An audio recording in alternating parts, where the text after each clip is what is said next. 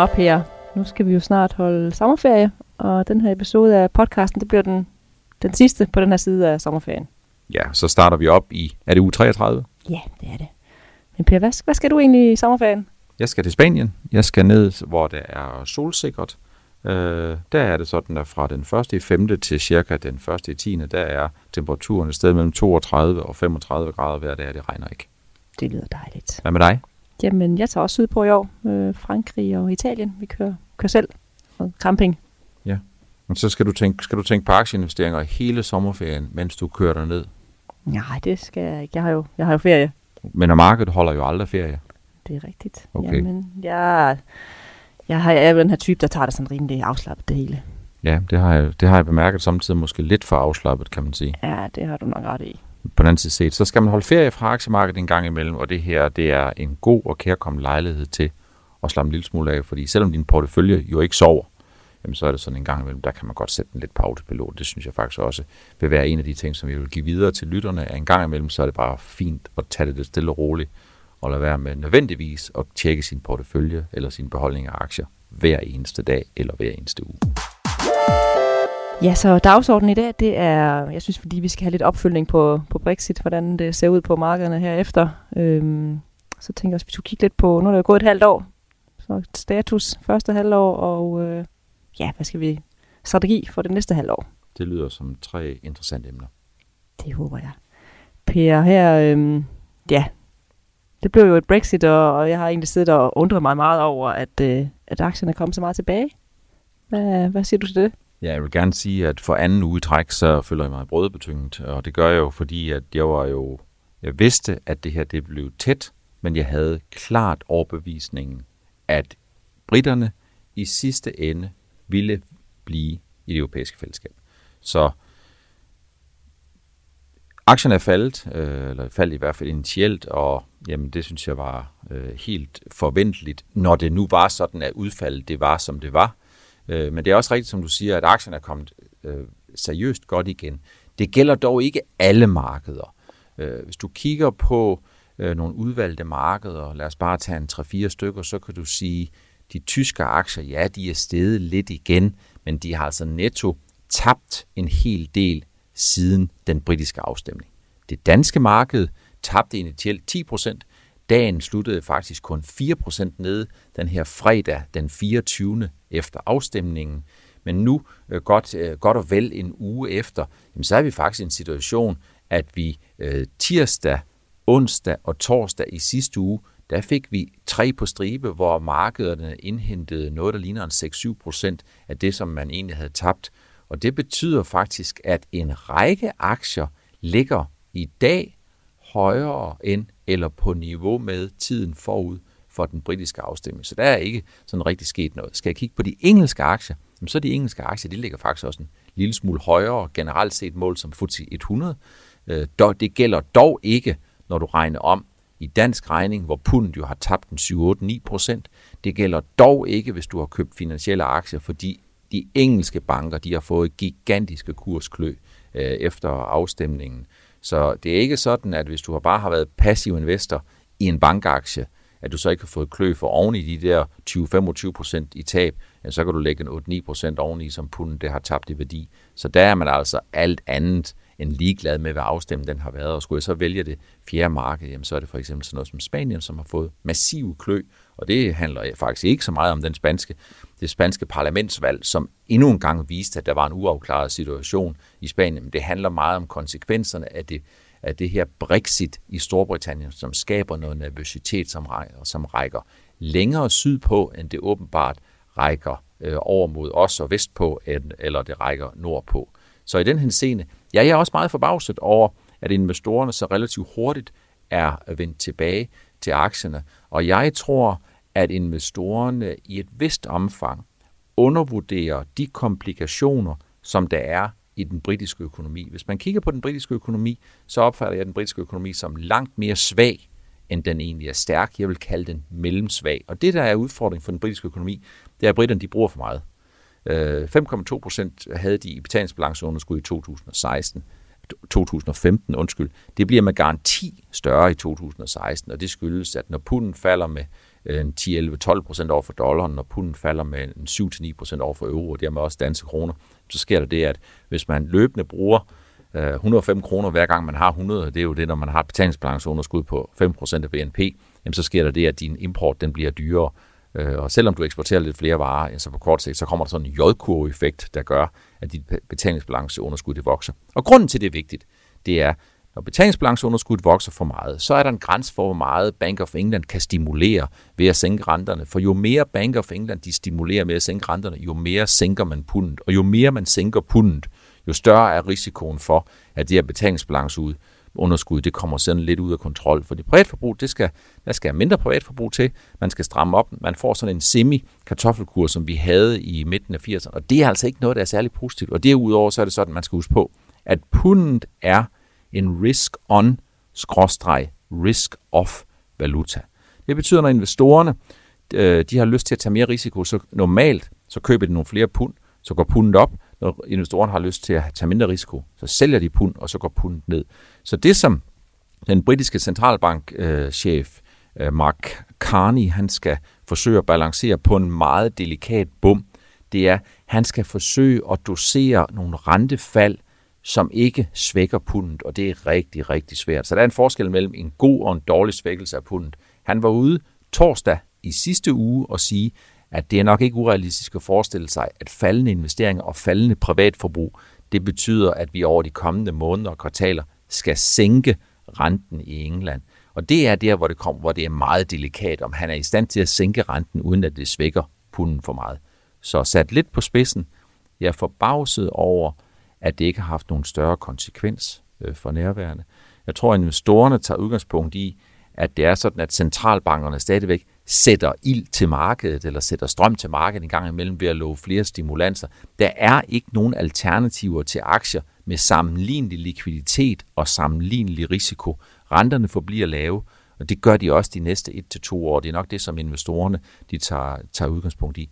Men, men overordnet set er jeg forbavset over, hvor hurtigt markederne er kommet til hægterne igen. Nå Per, jeg synes lige, vi skulle snakke lidt om øh, den her status første halvår. Øhm, kan du lave sådan en, et, et referat eller resume af året, halv, halvåret, der er gået? Ja, man kan sige, at øh, det er jo et år, som har et halvår, som har været i mange tempi. Vi startede året med, at øh, de kinesiske aktier gik vildt ned. Vi startede året med, at oliepriserne blev ved med at falde. Oliepriserne bundede ud den 20. Øh, januar. Det lyder måske helt vildt. Det er fem, fem måneder siden, fem-seks måneder siden, der kostede en tynde olie 26 dollar. I dag koster den det dobbelte. Øh, investorerne var bange for, hvad det var, oliemarkedet forsøgte at fortælle om den globale økonomi. Man var bange for den kinesiske udvikling. Man var dengang bange for, at den amerikanske centralbank skulle hæve renterne så meget, så det gik ud over aktiemarkedet. Og der var man begyndende bange for, hvad konsekvenserne kunne være, hvis det usandsynligt skulle ske, at britterne vælte og stige ud af det europæiske fællesskab. Og vi er seks måneder længere hen der må man sige, at den kinesiske udvikling er stadigvæk sådan lidt til bekymring, men det er ikke noget, der sådan er faldet ud i fuld flor. De kinesiske aktier har faktisk hentet noget af det tabte. Det ligger kun en 15-16 procent ned øh, på øh, halvåret. Øh, Fed, den kan man glemme alt om. Fed kommer ikke til at hæve renterne i 2016, og det er heller ikke noget af det, som investorerne sådan i større omfang bekymrer sig om. De 10-årige amerikanske renter er jo faldet fuldstændig gennem gulvet, så det er der ikke nogen, der forventer. Hvis du kigger på S&P 500 i første kvartal, så er det stort set, eller første halvår, så er det stort set en flad udvikling. Øh, så er der oliepriserne, og oliepriserne er heller ikke nogen større bekymring ud over for olieinvestorerne. Og det vi ser nu, det er, at øh, de øh, for eksempel nordiske offshore-selskaber, de har fået kamp til deres hår, en lang række af dem, de har fået lidt egenkapital. Vi har snakket lidt om det et par gange, at dem, der bliver trukket ud og skal have ny egenkapital på det forkerte tidspunkt, dem der oplever de investorer, de har tabt alle deres penge, og det er noget af det, vi ser. Konvertering af gæld til egenkapital eller øh, Øh, udstillelse af nye aktier, det betyder næsten, at aktiekapitalen er fuldstændig øh, væk i en række af de her øh, selskaber. Så det er tre ud af de fire ting, og så er der Brexit, som så sluttede med øh, øh, at give øh, os alle sammen en formaning om, at det der med at investere i aktier, det er altså forbundet med, at man både skal tage virksomhedernes udvikling, men også vælgernes øh, gunst. Det skal man altså prøve at tage meget seriøst. Øh, engelske aktier har egentlig klaret sig udmærket. England øh, ligger faktisk for halvåret en lille smule op, Øh, danske investorer i øh, FTSE 100 har selvfølgelig tabt penge, fordi pundet er faldet med 8-9 procent, øh, men det er ikke noget, der sådan alt i alt er hvad skal man sige, er så katastrofalt, som man kunne forestille sig, medmindre man har været så uheldig at investere i nogle af de britiske bankaktier, for de har altså fået klø. Tyskland minus 10 procent, måske lidt en lille smule overraskende. Det er dollarsvækkelsen, som satte ind i løbet af, første halvår, som går ondt på tysk industri. Danmark har klaret sig meget flot, synes jeg, med en, øh, en nedgang på en, øh, sådan 3-4 procent, og det er jo, fordi vi har nogle nichevirksomheder med verdensklasse kompetence, Novo Nordisk og nogle af de andre selskaber, som, som jo nærmest er godt køb til hver en tid, synes investorerne. Sverige er gået noget mere ned, cirka det dobbelte af Danmark med 7-8 øh, procent i, i, øh, i første halvår. Det er afmatning og dollarsvækkelse og nervøsitet og konjunkturforhold osv. osv. Som, når den globale økonomi har det godt, så har Sverige det godt. Når den globale økonomi har det lidt vanskeligere, så kan de svenske virksomheder, de kan også mærke det. Spanien, minus 15 procent på halvåret, og topscoren, ja, det har været de russiske aktier, som er steget med godt 22 procent. Det lyder måske lidt mærkeligt, men udgangspunktet for Rusland var meget taknemmeligt. Rusland har underperformet de sidste 3-4 år ganske, ganske massivt. Rusland er verdens billigste aktiemarked. Samtidig er det sådan, at året startede jo også dårligt for de russiske aktier. Olieprisen blev ved med at falde, og oliepris og russiske aktier er fuldstændig korreleret med hinanden. Så det er måske i den henseende meget naturligt, at når olieprisen den stiger, ja, så er det sådan, at så har de russiske investorer, de har det rigtig, rigtig godt, og det er også det, vi har set afspejlet. Så alt i alt så må man sige, jamen det her det er et udtryk for, at der er sket rigtig, rigtig meget øh, i den globale økonomi. Det er en påmindelse om, at vi er 90-95% igennem opturen på aktiemarkedet, og vi kommer til at se sådan nogle forskydninger inden for gruppen af aktier, inden for lande af aktier, inden for sektorer af aktier, snarere end vi kommer til at se herfra, at aktierne inden for de næste to til tre år har et potentiale for at gå yderligere 25-30% op. Det har jeg sagt mange gange. Det vil jeg gerne gentage lige så mange gange. Det kommer ikke til at ske, og man skal ikke trykke risikosømmet fuldstændig vildt i bund herfra i forventning om, at der kommer, hvad skal man sige, en ny og langvarig optur. Dertil, at den globale økonomi for svag, dertil er udgangspunktet for dårligt, dertil er renterne for lave til, at man kan forvente en ny stimulansbølge, og dertil er indtjeningsudviklingen i virksomhederne simpelthen bare for lille. Ja, Per, det må man da sige er, ja, er rødt det hele næsten var. Men hvad så her det næste halvår? Øh, er der en hvad er din strategi for det næste halvår? Ja, det er ikke fordi, jeg skal, hvad skal man sige, bruge en dårlig samvittighed og bygge videre på det, du sagde, man kan sige, en rød tråd. Øh, det handler ikke så meget om de afkast, man kan forvente, men handler måske mere om, hvad der kommer til at ske de næste øh, seks måneder. Det eneste, vi med sikkerhed ved, det er, at vi ved ikke med sikkerhed, hvordan situationen i Storbritannien kommer til at se ud. Mit bedste gæt, det er, at Storbritannien kommer tæt på at være i recession om seks måneder. Øh, det er et åbent spørgsmål. Jeg tror, du stillede mig et spørgsmål i sidste uge, hvad min sandsynlighed ville være. Det ville være 20. Øh, jeg tror, jeg tror, der er en mulighed for, at man lige kan undgå det, men jeg tror, det bliver meget, meget tæt på. Og det er fordi, der kommer faldende investeringer i de virksomheder, som er i Storbritannien. De vil i et, eller andet form, et eller andet omfang, de vil overveje at flytte nogle af deres aktiviteter ud. Og de virksomheder, som ikke er i Storbritannien, de vil ikke flytte ind, det er fordi, hvis man skal være i Storbritannien, så skal man være i Storbritannien ikke ud fra en Europa-overvejelse, men ud fra en, Storbrit, en, en britisk overvejelse. Og det kan jeg sådan set godt forstå. Det giver lavere investeringer, og øh, privatforbrug er en kæmpe udfordring, og man kommer til at se englænderne, øh, man kommer til at se Onslow, han kommer på skrump, kan man sige. Øh, øh, så på den måde, så kan man, så kan man sige, at så er, jeg, så er jeg lidt eller noget nervøs for, hvad der kommer til at ske. Det, som investorerne kigger på, det er selvfølgelig, at der kommer mere stimulans. Øh, vi kommer til at se ECB i givet fald måske give lidt mere stimulans, måske sænke renterne en gang. Jeg er ikke sikker, men det, det kan godt blive casen. Vi kommer til at se Bank of England sænke et par gange. Vi kommer til at se en rente i England på 0 eller måske der minus, og vi kommer til at se, at Fed ikke gør noget i 2016. Der skal ske noget ekstraordinært for, at Fed de genoptager øh, idéerne om, at de skal hæve renten. Så der er stadigvæk udsigt til, at dem, som har variabelt forrentet lån, de kan lægge sig op i hængekøjen, de kan bare nyde, at øh, renterne de forbliver øh, ja, i praksis jo nul, når man skal lånefinansiere sine boliger, og det har også en betydning for så vidt angår investorerne. Jeg er ikke super optimist. Jeg er normalt et, et, en person med et meget lyst sind med hensyn til aktiemarkedet. Jeg er ikke super optimist. Øh, jeg kan godt se, at aktien de kan stige en lille smule, men når vi ikke ved, hvad den britiske tilknytning kommer til at være til Europa, så kan det godt være, at det både kan være skidt for Europa og skidt for Storbritannien. Så i den henseende, ja, jeg kan godt se, at aktierne kan stige en lille smule. Der er ikke noget alternativ til aktier. Hvis man har afkastambition, så skal man være i aktier.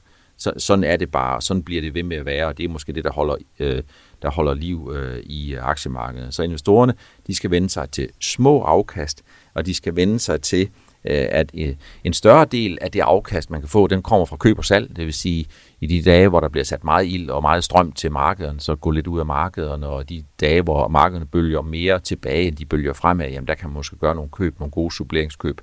Øh, jeg er ikke stærkt optimistisk med hensyn til, at man skal øge sin cykliske eksponering rigtig, rigtig meget. Øh, og, øh, og det er fordi, jeg har svært ved at se, hvor, hvor, de her, hvor det her opsving egentlig sådan for alvor skal komme. Vi er i en situation nu, at nu kommer vi til at være sådan lidt paralyseret for den resterende del af, af, af, af 2016.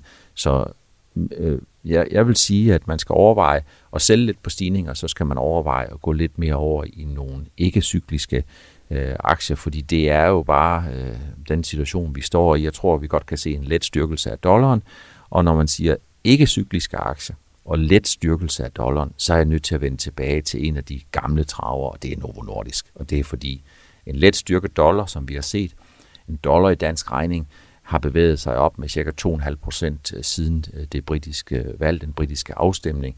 Jamen det gør, at med det vi ved i dag, medmindre der kommer nogle nye chok, så er det meget sandsynligt, at Novo Nordisk kommer i mål med 2016 indtjeningsforventning. Det som Novo Nordisk sagde i forbindelse med første kvartalsregnskaberne, det var, at hvis dollaren holdt det niveau, som var gældende på daværende tidspunkt, så ville det alt andet lige være sværere at komme i mål med indtjeningsforventningerne. Og der ligger vi altså cirka 3% højere end, øh, end, end dengang. Så øh, pas på, at træerne vokser ikke ind i himlen med hensyn til aktier. Det individuelle afkast er stadigvæk muligt. Jeg tror på markedsniveau, så bliver det moderat, hvad vi kommer til at se. Vi kommer stadigvæk til at se markedet bølger frem og tilbage. Vi kommer til at se, at investorerne kigger på, hvordan konjunkturudviklingen kommer til at se ud. Vi sidder og kigger på, kommer britterne til at aktivere artikel 50 i Lissabon-traktaten, og hvornår kommer de til at aktivere den? Øh, er det i 16, eller gør de det først ind i 17? Hvis de først gør det ind i 17, så kommer investorerne i løbet af efteråret til at sidde og vente på, hvornår de gør det, samtidig med, at de kommer til at spørge sig selv hver eller hver anden uge, om den britiske økonomi er på vej ind i recession, og i givet fald, hvis den er på vej ind i recession, hvor lang kommer den til at, hvor lang vej kommer den til at være, og er de på vej ind i sådan en form for en heste- eller kartoffelkur, og vil Mark Carney fra Bank of England være i stand til at blæse og have mel i munden, og sådan delikat på balancebommen være i stand til at dosere den gode pundsvækkelse, der gør, at investorerne ikke får ondt i aktiemarkederne. Så der er rigtig mange udfordringer for aktieinvestorerne i det generelle, men selvfølgelig ikke i det individuelle tilfælde. Der kan sagtens være en række aktier, som investorerne har, som kan gøre det godt eller dårligt af helt selskabsspecifikke årsager. Men overordnet set, jeg forudser ikke noget jubelafkast 2016, og jeg tror på, at det bliver svært, meget svært øh, for i, i det generelle tilfælde for en europæisk baseret investor at opnå et positivt afkast. Per, jeg har kigget på lidt forskellige øh, ting, man kunne investere i, og jeg kunne egentlig godt tænke mig dit, uh, dit svar på den. Så nu får du lige sådan en, ja, nu ved jeg ikke, hvor det bliver, men du kan jo bare sige ja tak eller nej tak. Hvis jeg nu siger råvarer. Så siger jeg måske. Jeg er ikke overbevist om, at vi kommer til at se sådan en råvarecyklus, og, og det er fordi råvarecyklus det vil kræve stærkere kinesisk vækst eller lysten til at påtage sig en højere, en større risiko eller en dollarsvækkelse. Og der er faktisk ikke nogen af dem, som jeg ser som meget oplagt. Det er derfor, jeg siger, jeg trykker på måske-knap. Okay. Hvad med forbrugsgoder? Ja, men forbrugsgoder har det jo sådan med at hænge meget sammen med global konjunktur, og der vil jeg altså også, hvis jeg skal presses til at sige øh, ja versus nej, så vil jeg måske mere trykke en lille smule på nej end på ja-knappen. Hvad med sådan noget som øh, udbytte, bytteaktier? Er det, er det tiden til det? Jamen udbytteaktier har jo den gode kvalitet, at de disciplinerer selskaberne. Øh, selskaberne bliver bedt om øh, at komme til eksamen hver kvartal, hver halvår eller hver hele år, så skal de jo sætte nogle penge til side af de penge, de tjener. Øh, så udbytteaktier er aktuelle nu, som de altid har været, så der er vel ikke efter min mening ændret noget ud over, at jo lavere renterne de går, jamen jo større er, hvad skal man sige, den der forskel mellem, om du forgylder investoren med 3 eller 4 procent i udbytte relativt til, at afkastet på en passiv investering øh, er 0 eller minus 0, minus, 0,25 i nedadgående retning, eller hvad det nu koster, eller kan komme til at koste af sine penge stående i banken. Så i den henseende, så kan man sige, udbytteaktier fortsat ja, en attraktiv del af en langsigtet portefølje. Hvad med sådan noget som øh, statsobligationer i, i Spanien og Italien?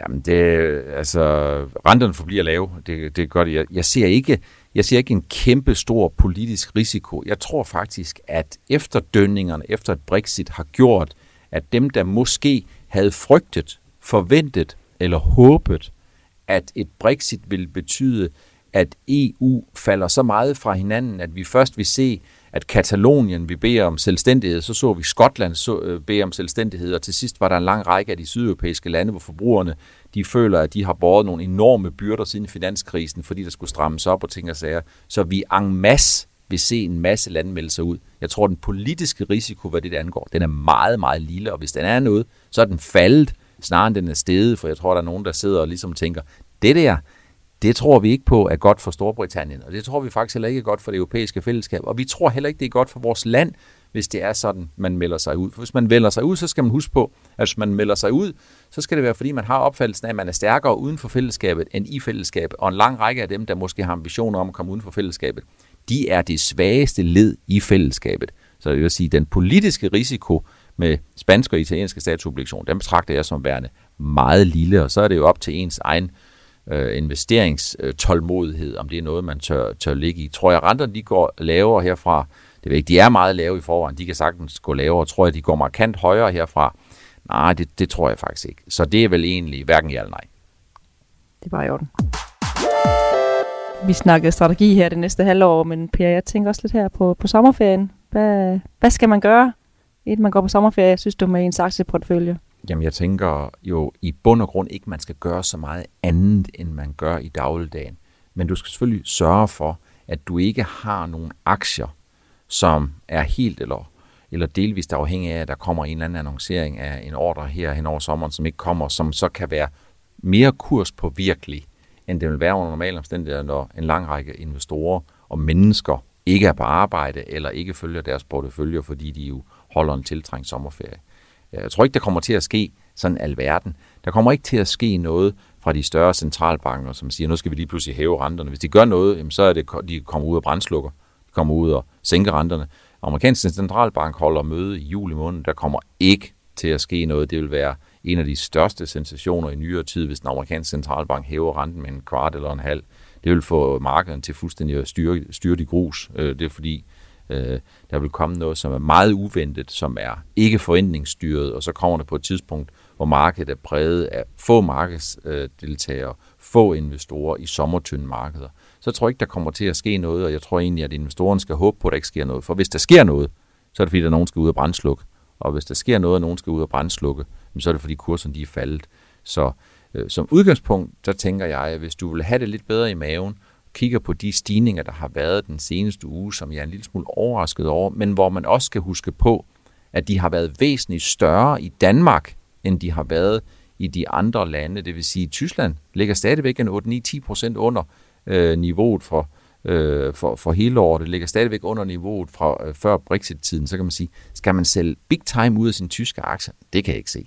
Jeg kan ikke se, at der er at der sådan, investorerne er sådan overoptimistiske med hensyn til de tyske aktier, og i virkeligheden så kan man sige, at det der er sket de sidste øh, par uger, tre-fire uger, har jo været, at vi har set en britisk afstemning, som er gået imod den retning, som investorerne helst havde set, men vi har samtidig set en dollarstyrkelse i størrelseorden 2-3 procent. Og en dollarstyrkelse, det er altid godt for de tyske virksomheder. Så by and large, sørg for at tage på ferie uden at have for mange bomber i din portefølje, og derudover, du skal ikke forvente, at centralbanken de kommer til at lave noget specielt, og hvis de kommer til at lave noget, så er det mere brændslukkende. Det er ikke noget, du skal se frem til, fordi så er det sådan, at det forudgående, det har været, at der er noget, der er gået ned. Så jeg synes egentlig, at langt de fleste, de skal tage på sommerferie med rigtig god samvittighed.